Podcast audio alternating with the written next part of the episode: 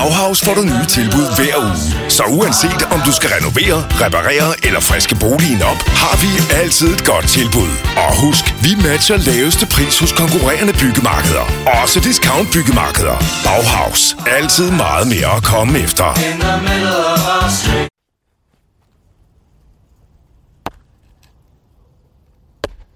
Hele dagen nyder han at være i skoven.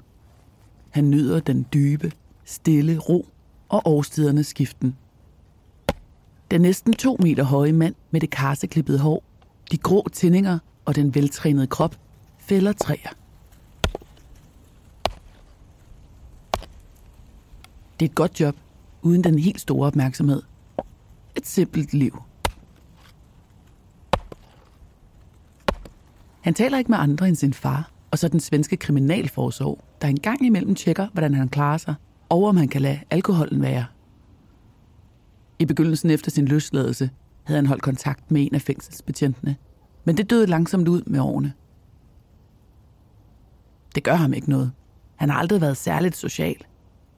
Han sætter pris på rutiner og på en struktureret hverdag. Det holdt ham i live i fængslet, og det holder ham i live nu. Manden er omkring 50 år gammel og lever under falsk identitet. Han blev løsladt den 9. juni 2014 efter næsten 20 års fængsel. For at være helt præcis tilbragte han 19 år og 364 dage bag trammer. Efter den dag, hvor han tog sit tjenestevåben, den svensk producerede automatrifle AK-5, og slog syv mennesker ihjel.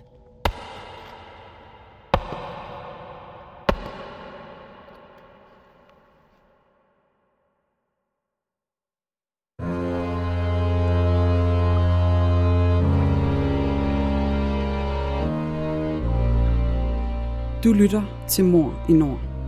En podcastserie om nogle af de mest opsigtsvækkende drabsager fra Norden.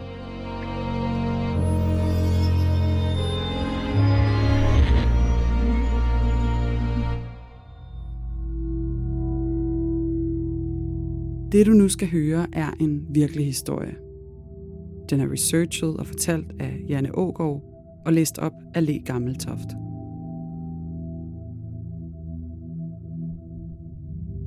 Det her er en genfortælling af sagens fakta, som de har været gengivet i andre medier. Nogle detaljer er udeladt, ligesom vi her afholder os fra at tage stilling. Det har retssystemet gjort. Men du skal være forberedt på, at det kan være voldsomt at lytte til. Ikke mindst fordi det handler om rigtige menneskers liv og død.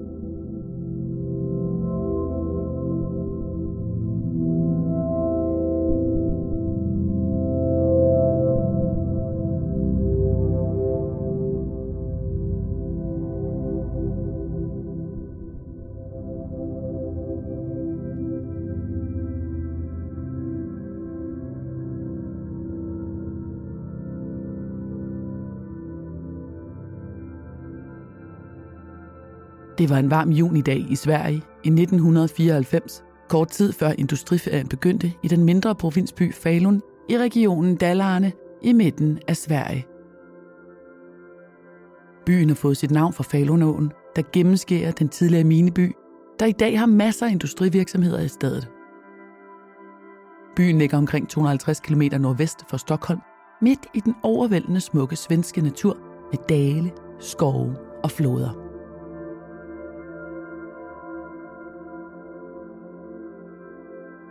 Mathias Flink var 24 år og underofficer i den svenske hær.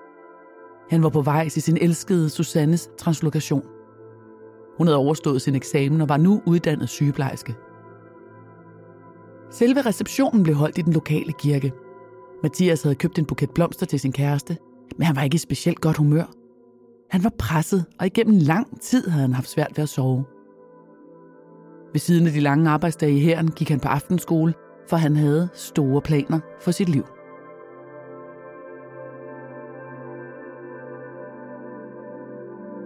Mest af alt ville Mathias imponere sin far, og ikke mindst sig selv. Han skulle blive til noget. Forældrene var blevet skilt, da Mathias var 9 år gammel. Selvom Mathias endte med at blive boende i familiens hjem sammen med sin far, så han stadig sin mor. Efter folkeskolen blev han udlært som elmekaniker. Senere startede han i militæret, først som rekrut, og i 1991 blev han officer. Efter at have afsluttet sin uddannelse ved Dalarne-regimentet, blev han fastansat i hæren i 1993. Han trivedes med regler og med rutiner. På kasernen blev han opfattet som både ambitiøs og patentlig, når han underviste de værnepligtige i våbenhåndtering og skydning.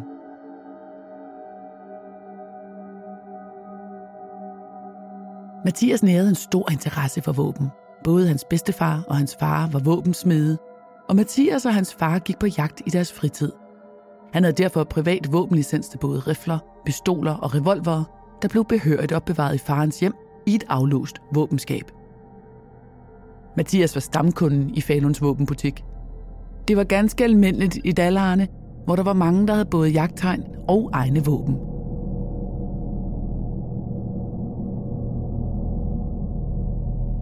Måske spøgte forældrenes skilsmisse i baggrunden.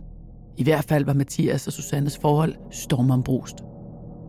De to havde mødt hinanden året inden på en bar i byen, og han var hurtigt blevet forelsket i hende. Susanne havde sine egne problemer med i bagagen, men hun var oprigtig glad for Mathias. Med tiden skulle hun også komme til at blive bekymret for ham. Han udviste tegn på overdrevet jalousi, og i løbet af foråret havde Susanne insisteret på, at han gik til psykolog på grund af sin anspændte fasong.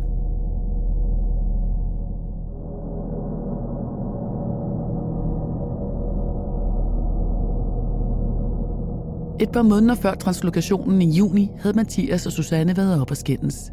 Mathias var fuld, og skænderiet kulminerede med, at han tog kvælertag på Susanne. Heldigvis overværede to officerkolleger optrinet. De stoppede Mathias og fik talt ham til ro.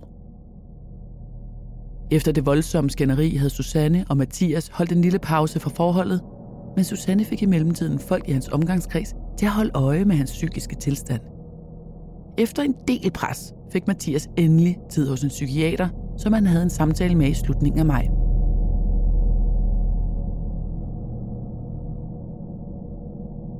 Mathias dukkede op til eksamensreceptionen i fuld uniform og gav Susanne et kys. Han overrakte hende blomsterne og ønskede hende tillykke. Det var tydeligt, at han ikke havde sovet så meget, og han skød skylden på den hemmelige mission, han netop havde færdiggjort – Faktisk var han blevet fragtet med helikopter fra Stockholm til Falun for at kunne nå at være der. Parret aftalte at mødes igen dagen efter, når Susanne og hendes medstuderende og venner skulle i byen og fejre den veloverståede translokation.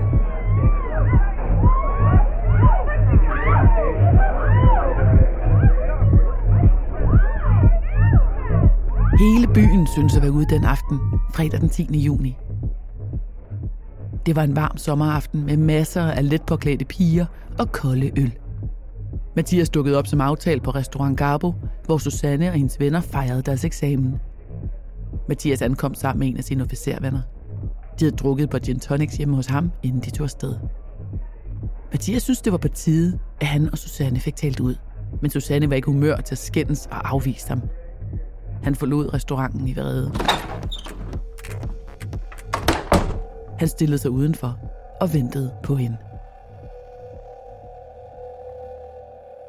Da Susanne kom ud, konfronterede Mathias hende, og de skændtes. Pludselig sagde Mathias, Jeg er udødelig. Intet kan slå mig ihjel, og jeg kan slå alle ihjel. Dette er min by. Susanne kom til at grine i befibbelse over hans udsagn. Hun opgav at fortsætte diskussionen og tog videre til en anden bar med sine venner. Den grædende Mathias blev trøstet af sin kammerat, men han fulgte efter Susanne og indhentede gruppen på den næste bar. Her så han en ung mand, der sad lidt for tæt på Susanne. Mathias slog ham ned. Herefter blev han smidt ud fra baren, og efter nogle snak endte gruppen med at gå hen på den lokale politistation for at anmelde Mathias for vold. Klokken var et om natten, men stationen var døgnbemandet, og Susanne var bekymret. Mathias blev ved med at chikanere både hende og hendes venner, og han skændtes med dørmændene på stedet for at blive lukket ind igen –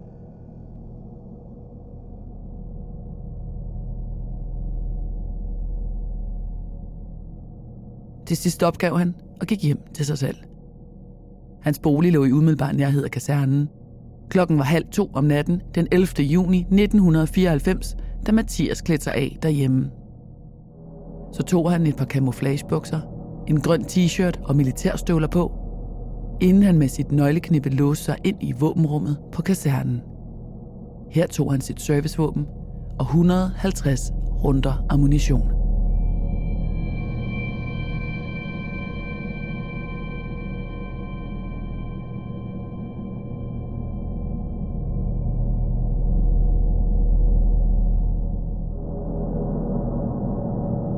Han kastede automatriften over hegnet og kravlede selv over pigtråden uden at mærke noget. Derefter gik han fra kasernen mod stadsparken få 100 meter borte. Den idylliske park med et lysthus og en smuk sø omkranset af høje træer med strategisk placeret piknikbord lå næsten midt i Falun. Det var et sted, hvor mange af de unge lokale stoppede, når de var på vej hjem fra byen. Her så Mathias en gruppe lotter, altså kvindelige medlemmer af det ubevæbnede militære hjælpekorps Lottekorpset. Det var den 20-årige Therese, den 21-årige Helle, Karin og Jenny på 22, og endelig den ældste i gruppen, 29-årige Lena. Mathias fortalte senere i retten, at han kun huskede små glimt fra den nat. Jeg så nogen komme, og så smældede det, fortalte han.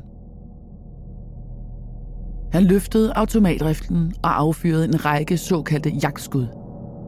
Det er en teknik, hvor man med et jagtudtryk sigter groft og affyrer to skud ad gangen. Seks unge kvinder lå blødende på grusstien. Når du skal fra Sjælland til Jylland Eller omvendt, så er det Molslinjen, du skal med Kom, kom, kom, bado, kom, bado, kom, bado. Få et velfortjent bil og spar 200 kilometer. Kør ombord på Molslinjen fra kun 249 kroner. Kom, bare du.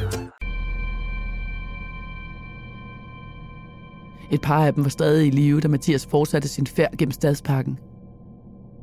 Kort tid efter, omkring klokken halv tre om natten, kom de første vidner forbi gerningsstedet og så de døende kvinder i parken. De forsøgte at give dem første hjælp. Der var en del personer i nærheden, som hørte skuddene i parken, og telefonen begyndte at kime på politistationen, hvor Susanne stadig stod med sine venner. Det er Mathias, udbrød hun. Falun Hospital lå lige ved siden af, og ambulancerne fragtede de mange borgere ind på skadestuen med kvinderne, der var blevet skudt ned i parken.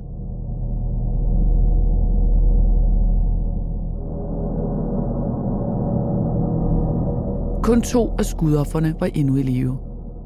Den ene af dem var skudt så meget i stykker, at sygeplejersken, der tog imod hende, brød i gråd og råbte, Jamen, hun kommer jo til at dø.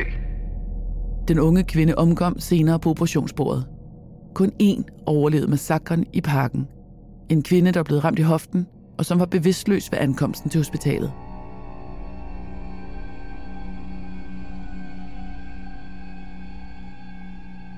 Klokken var omkring to om natten, da Mathias nåede ud af stadsparken og fortsatte sin færd mod centrum af Falun. Han gik rangt og med rolige skridt midt på vejen.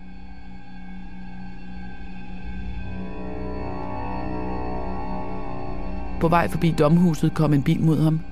Det var den lokale sikkerhedsvagt, 35-årige Mats, som var ude på sin vanlige natterunde.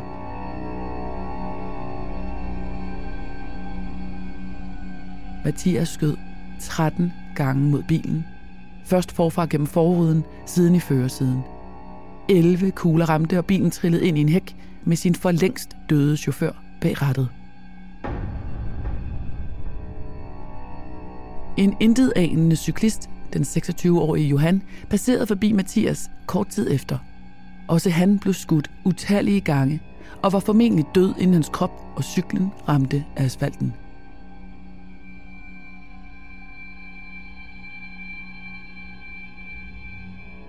Derefter gik Mathias hen til en byggeplads, hvor han tog automatriften på ryggen og kravlede op i en byggekran i centrum. Det var et perfekt udkigspunkt til at forsvare sig. Da det begyndte at lysne i horisonten, bestemte Mathias sig for at tage hjem.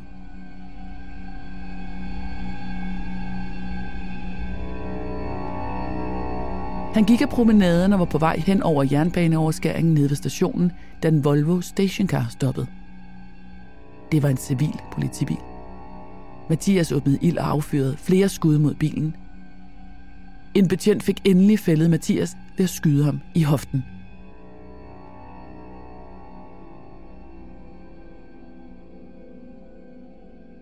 Klokken var lidt før 4 om morgenen den 11. juni 1994, da ambulanceborgen med Mathias ankom til det selv samme sygehus, hvor offrene var blevet bragt hen. De sygehusansatte flokkedes for at se den mand, der var ansvarlig for massemordet. Som en sygeplejerske senere fortalte, han lignede slet ikke et monster, bare en almindelig ung mand. En person foreslog, at de skulle operere ham uden bedøvelse. Den første afhøring om morgenen i sygesengen var med en groggy Mathias, der velvilligt fortalte om sit liv, sit alkoholforbrug og alt andet, politiet ønskede at spørge ham om. Han sagde, at han havde regnet med, at politiet ville skyde og dræbe ham, så han ikke selv behøvede at gøre det. Han bestred ikke, at det var ham, der var gerningsmanden bag massakren, og han stillede ingen spørgsmålstegn ved politiets gengivelse af nattens begivenheder. Samme aften blev han fremstillet i grundlovsforhør, og derefter varetægtsfængslet. Med ham var den lokale forsvarsadvokat Gunnar Lundgren, der i månedsvis ville modtage trusselsbreve og telefonopringninger fra rasende mennesker, der ville vide, om sådan en massemorder havde fortjent en forsvar.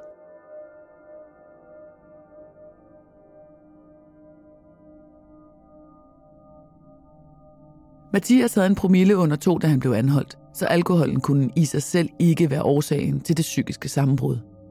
En rensagning af Mathias' bolig afslørede ingenting ud over det sædvanlige.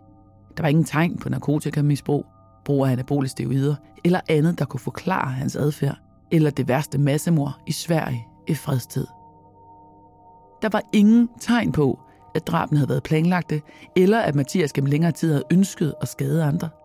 Det lød til at være en spontan handling. Alle politifolk i Falun havde fået udsat deres sommerferie og deltog i sikringen af beviserne på de tre gerningssteder. SKL, Statens Kriminaltekniske Laboratorium, som i dag hedder National Forensisk Center, ankom for at assistere i flere dage. 12 afhøringsledere planlagde de i alt 70 afhøringer af vidner. Byens indbyggere, inklusive de lokale politifolk, var stadig i en tilstand af chok. Den type kriminalitet skete jo i USA og ikke i en svensk provinsby. Samtidig var syv unge mennesker dræbt, og de mange begravelser prægede byen længe.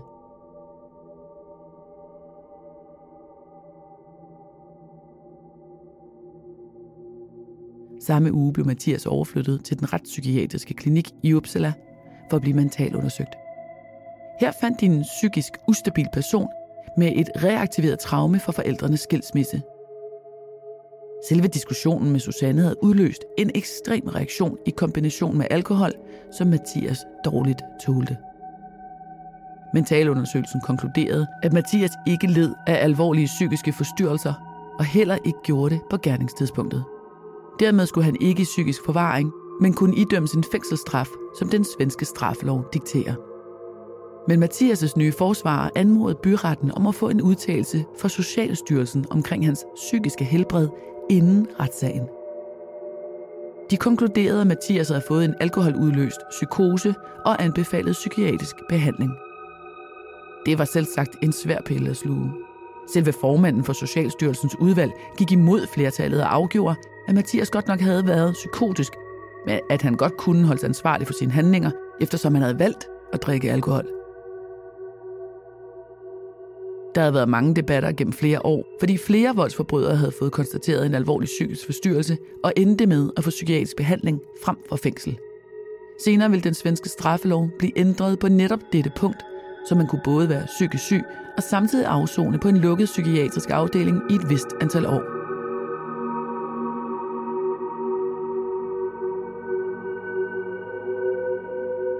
Retssagen varede bare to dage i september 1994, fordi Mathias allerede havde tilstået.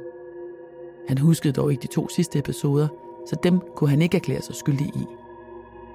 En nu 12 kilo tyndere Mathias fortalte beredvilligt om det, han kunne huske. Op til massakren havde han sovet ganske lidt, spist endnu mindre og været under et stort arbejdspres. Han oplevede det selv som en depression. Han havde ingen erindring om de hemmelige missioner, han havde fortalt Susanne om, og det måtte konkluderes, at det var noget, han havde opdigtet. Byretten gav Mathias en dom på 14 års fængsel for de syv mor og tre morforsøg. Dommen blev omgående anket til Svea lavmandsret, hvor straffen blev skærpet til livsvarigt fængsel En dom, der året efter blev stadfæstet i højesteret. Mathias afsonede først i Nordkøbing, og derefter blev han flyttet til Beateberganstalten uden for Stockholm.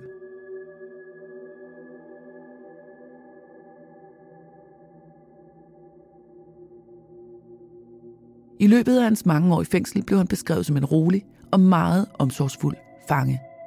I 2012 blev han overført til et åbent fængsel. Han havde udgang en gang om måneden, og risikoen for, at han skulle begå kriminalitet igen, var næsten ikke eksisterende, så længe han holdt sig fra at drikke alkohol. Med en dom på livsvarigt fængsel, kan den dømte ansøge retten om at konvertere dommen til en tidsbestemt straf. Og det gjorde Mathias uden held gennem flere år ved forskellige domstole indtil højesteret i 2011 satte straffen til 30 års fængsel. Det betød, at Mathias kunne løslades med en ny identitet efter at have afsonet to tredjedele af straffen. Den 11. juni 2014 blev han løsladt i en alder af 44 år efter lige knap 20 år i fængsel.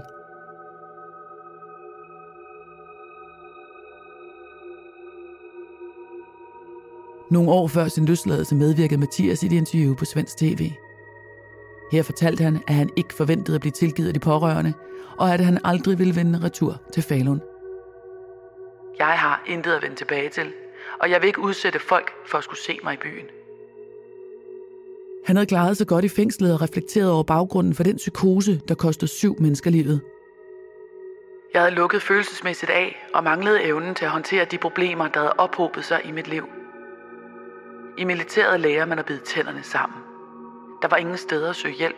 Ingen mulighed for at blive sygemeldt på grund af psykiske problemer. Når jeg tænker tilbage på den nat nu, er det stadigvæk et sort hul. Men jeg ved, at jeg endte med en klassisk stressreaktion og faldt tilbage på min træning at gå i krig. Hvis jeg ikke havde haft et våben, ville den aften være afsluttet med et almindeligt værtshus slagsmål. Da Mathias blev løsladt, flyttede han langt væk fra Falun. Hans far har i et interview fortalt, at Mathias fik arbejde som skovhugger. Han lever den dag i dag under et andet navn, et ukendt sted i Sverige, og skylder fortsat de pårørende millioner af kroner i erstatning.